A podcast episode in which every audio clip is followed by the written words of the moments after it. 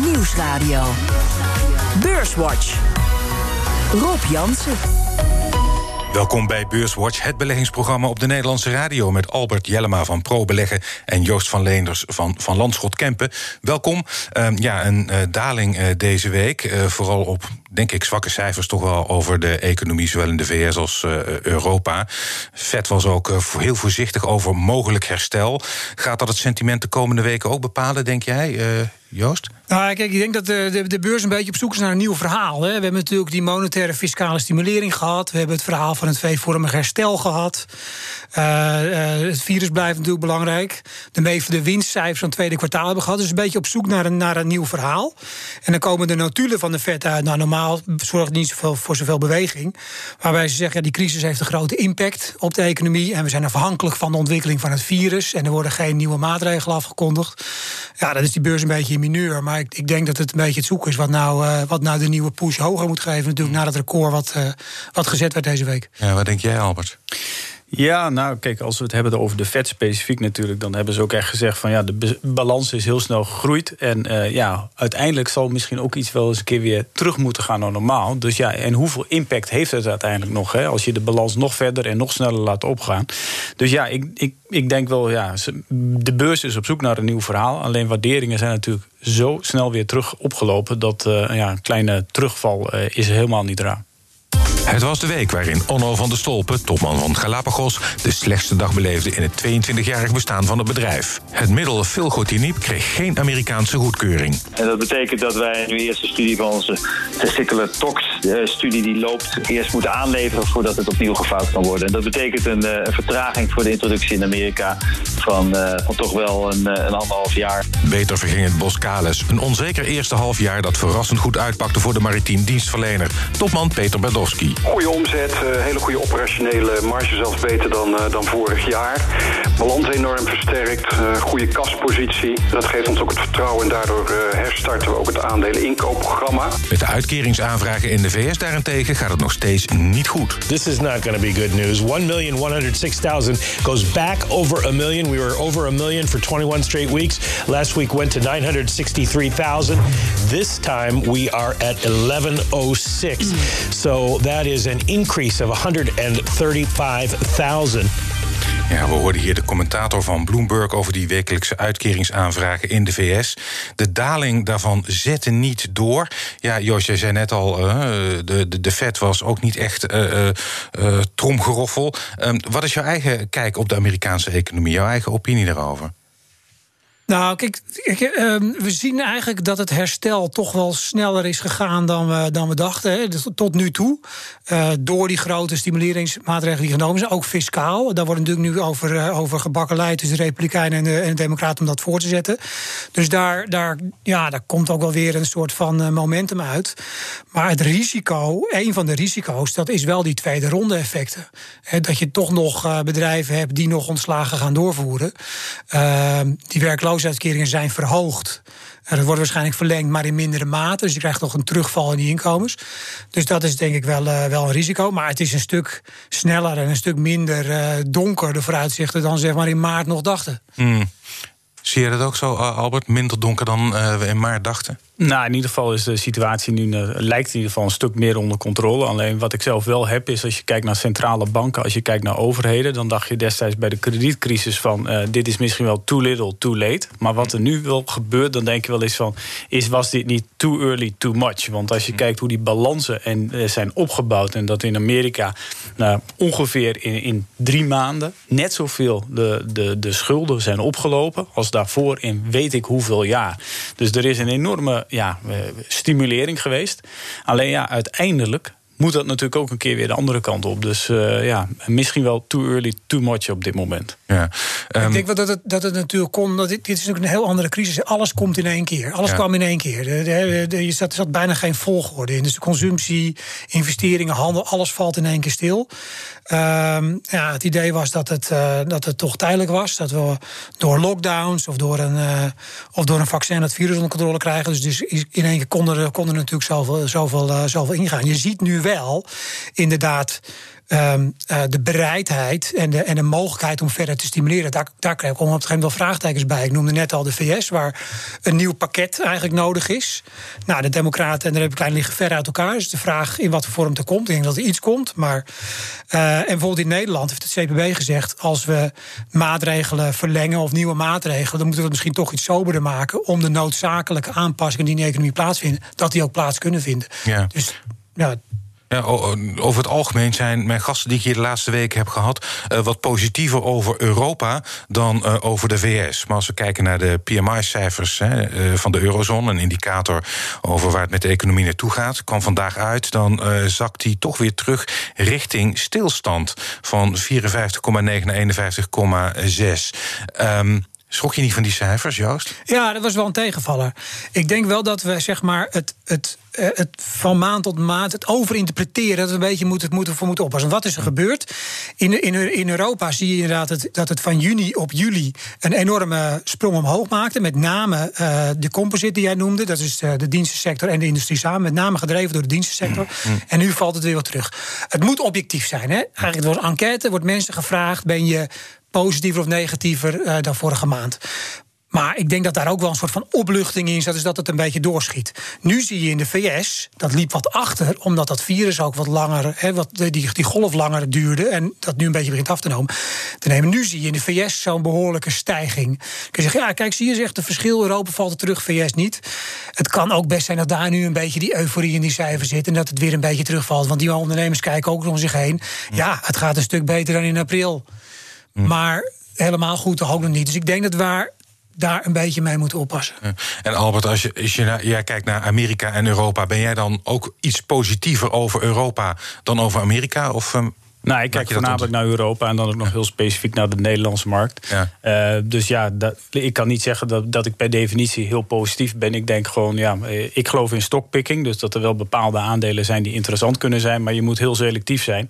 Uh, en misschien moet je soms wel kijken op dit moment naar aandelen die bij wijze van spreken een hele sterke balans hebben. Snoeihard geraakt worden door corona. Maar uiteindelijk misschien wel veel sterker uit die crisis kunnen komen. Mm. Maar kijk, het verschil, het verschil is natuurlijk ook zo dat Kijk, aan de ene kant is het natuurlijk vreemd als je positief in Europa. Want in Amerika zijn, is de stimulering veel groter. Zowel van de, van de Fed als van de overheid. En dat tekort in vrees gaat veel meer oplopen. Dat, dat, voor de toekomst heeft dat probleem. Maar voor nu is dat, heeft dat goed, denk ik. Prettig in ieder geval. Um, um, maar um, je ziet natuurlijk in Europa dat het virus gewoon veel meer onder controle is. Ja. En we zien nu wel dat er wat oploopt. Maar je ziet wel eigenlijk een ontkoppeling tussen de ernstig zieken, de ziekenhuisopname, de doden en, en het oplopen van het virus. En in de VS begint het nu, de eerste golf begint een beetje af te zwakken. Ja. En in Europa is het gewoon uh, uh, ja, niet onder controle, maar een stuk lager dan in de VS. Dus daar, daarom kan je positiever zijn over Europa. Ja, um, goed. Uh, we bespreken hier over hè, Europa dat ja, waarvan de, dat een beetje naar stil dreigt te vallen. Als je kijkt, het verschil tussen groei en krimp, zo'n beetje rond uh, break-even, zeg maar. Uh, Amerika-problemen. Waar ik me over blijf verbazen, is dat beleggers dat lijken te negeren. Records op Wall Street deze week. Uh, verwachte koerswinst AEX staat op 21. Albert, ja. leg het mij uit. Nee, kijk, als je puur kijkt naar waarderingen, dan kun je zeggen waarderingen zijn hoog. Zeker relatief, hè, gezien ten opzichte van het verleden, dan zijn waarderingen hoog. Ja. Maar uh, gaan waarderen, je gaat een beurs corrigeren omdat waarderingen hoog zijn. Nee, er moet altijd een bepaalde trigger zijn uiteindelijk waarom je aandelen op een lager niveau zou kunnen krijgen. Daarbij, je kunt wel zeggen van ja, aandelenmarkten zijn duur. Maar wat zijn je alternatieven? Want wat is echt duur? Dat zijn staatsleningen. Hè? Want die zijn eigenlijk nog veel duurder dan wat je aandelen duur zijn. Dus je kijkt ook naar je alternatieven. Uh, maar om aandelen lager te krijgen, ja, heb je echt een nieuwe catalyst nodig. Uh, die we, we nu nog niet kunnen voorspellen. Ja, we kunnen wel zeggen er komt een tweede golf. Uh, maar on zich lijken aandelen uh, uh, duur geprijsd of stevig geprijsd. Mm. Alleen het gaat om je alternatieven. En het gaat er ook om dat als je, ehm, ja, je verder niks met je geld kunt, hè, spaarrente van negatief, ja, dan blijven misschien aandelen wel structureel op een hoger niveau handelen. Omdat het ja, verder kun je geen route vinden voor je geld. Denk jij dat ook, Joost?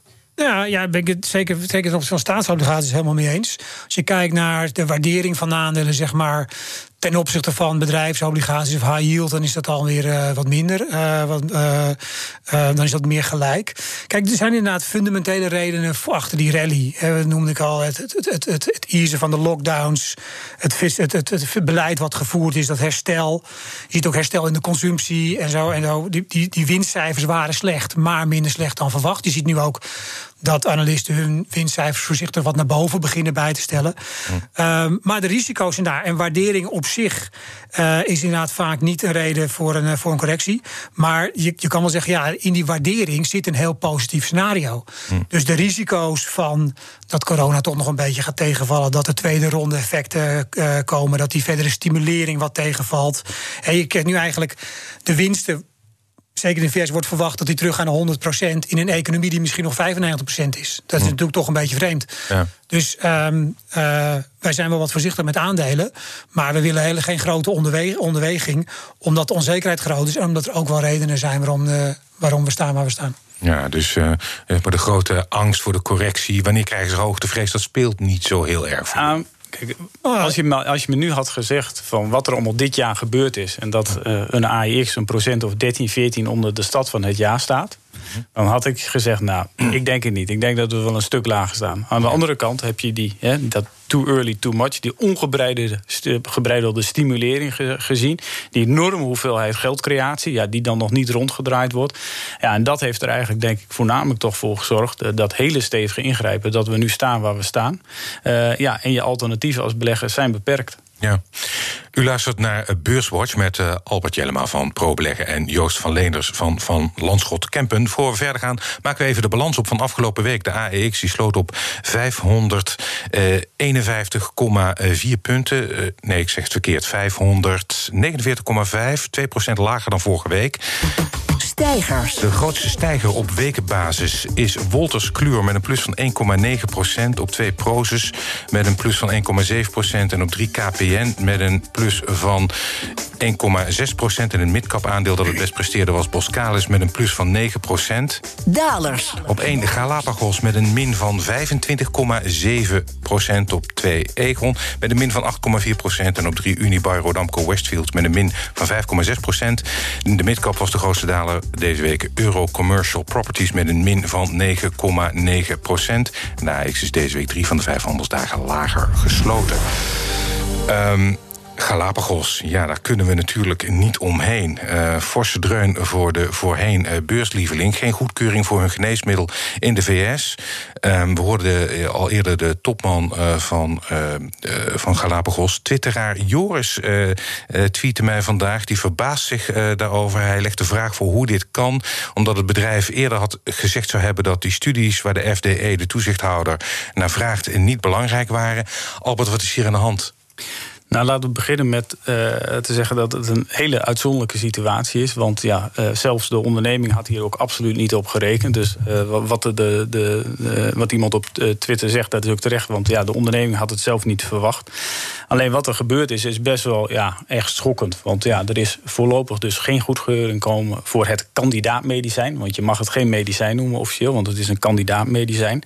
Um, alleen ja, de, de, het veiligheidsprofiel van het medicijn op de hoge dosering, op de 200 milligram.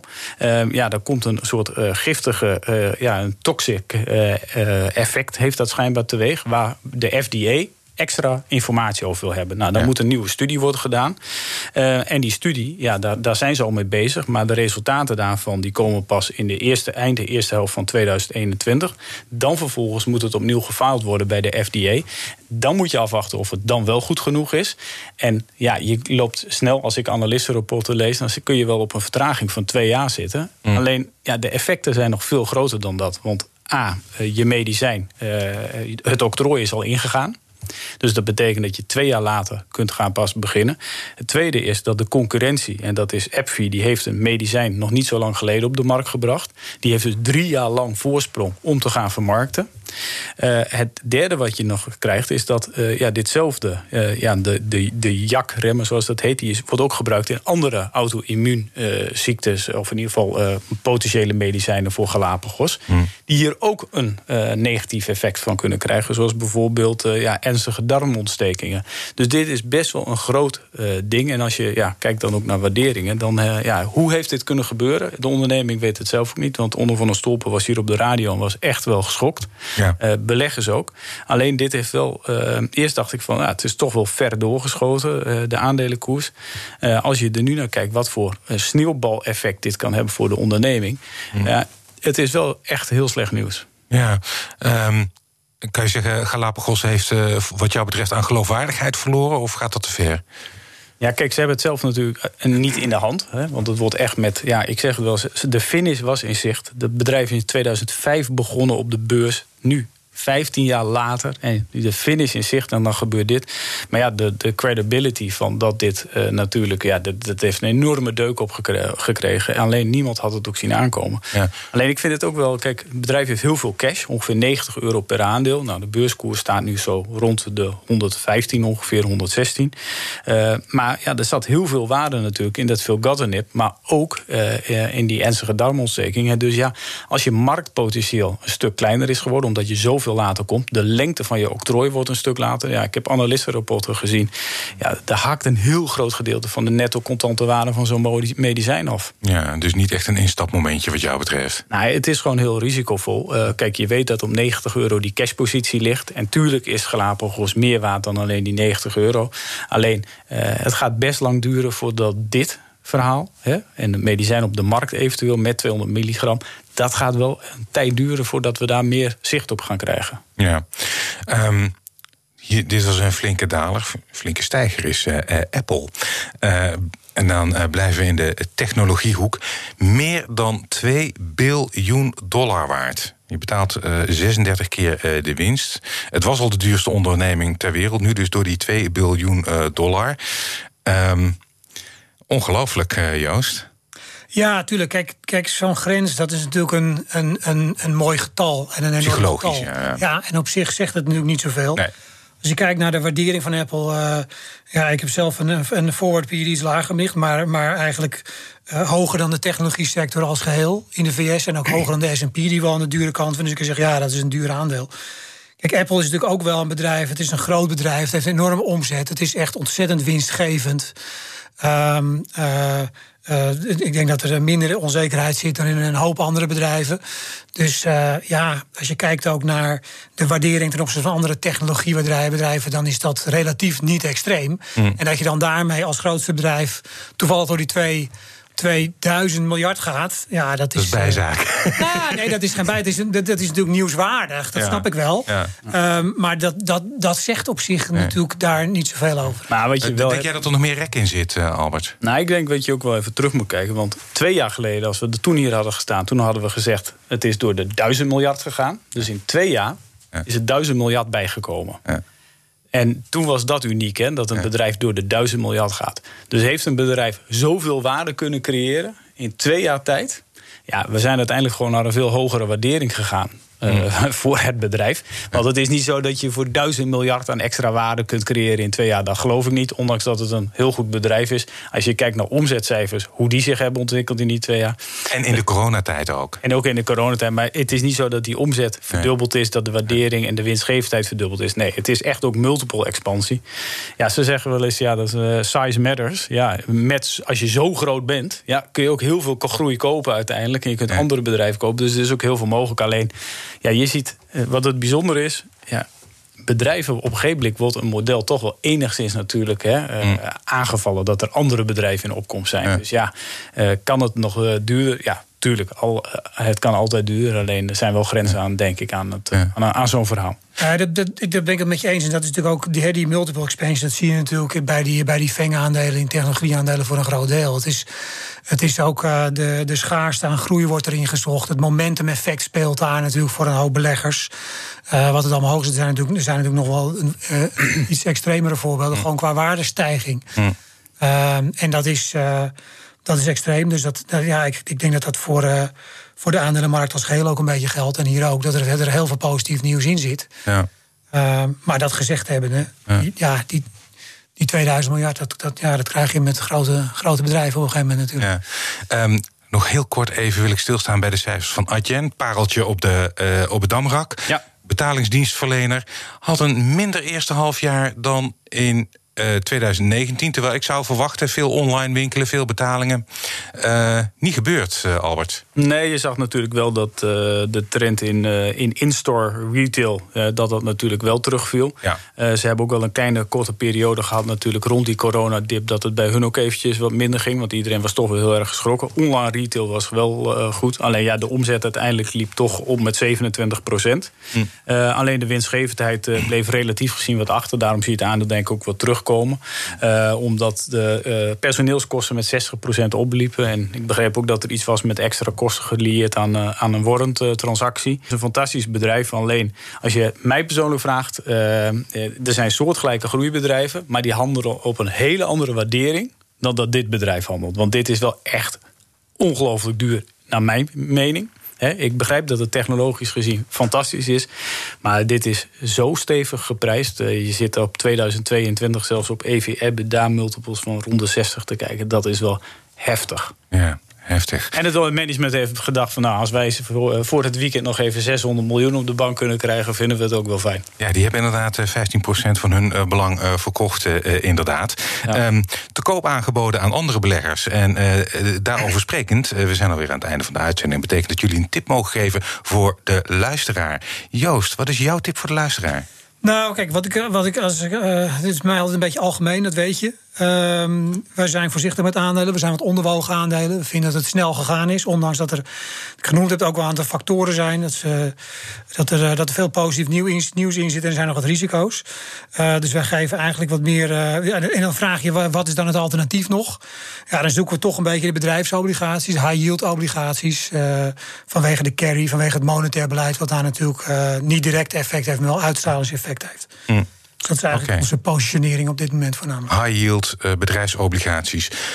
Albert. Ja, nou, we hadden het net over Adyen, dus ik pak een eh, bruggetje naar een ander techbedrijf uit Nederland, wat wat mij betreft bijna net zo hard kan groeien, alleen wat veel aantrekkelijker gewaardeerd is in mijn ogen, en dat is Just Eat Takeaway.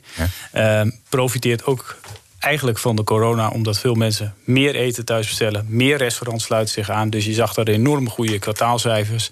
Ik ben verbaasd dat het aandeel niet hadden was opgelopen. Ik heb dus ook positie om eh, voor de volledige transparantie. Ja. Uh, maar dat bedrijf handelt eh, in mijn ogen, wordt de groei absoluut nog niet gereflecteerd in de huidige koers. Dus dat is uh, mijn takeaway voor vandaag. Oké, hartelijk dank. Albert Jellema van ProBeleggen.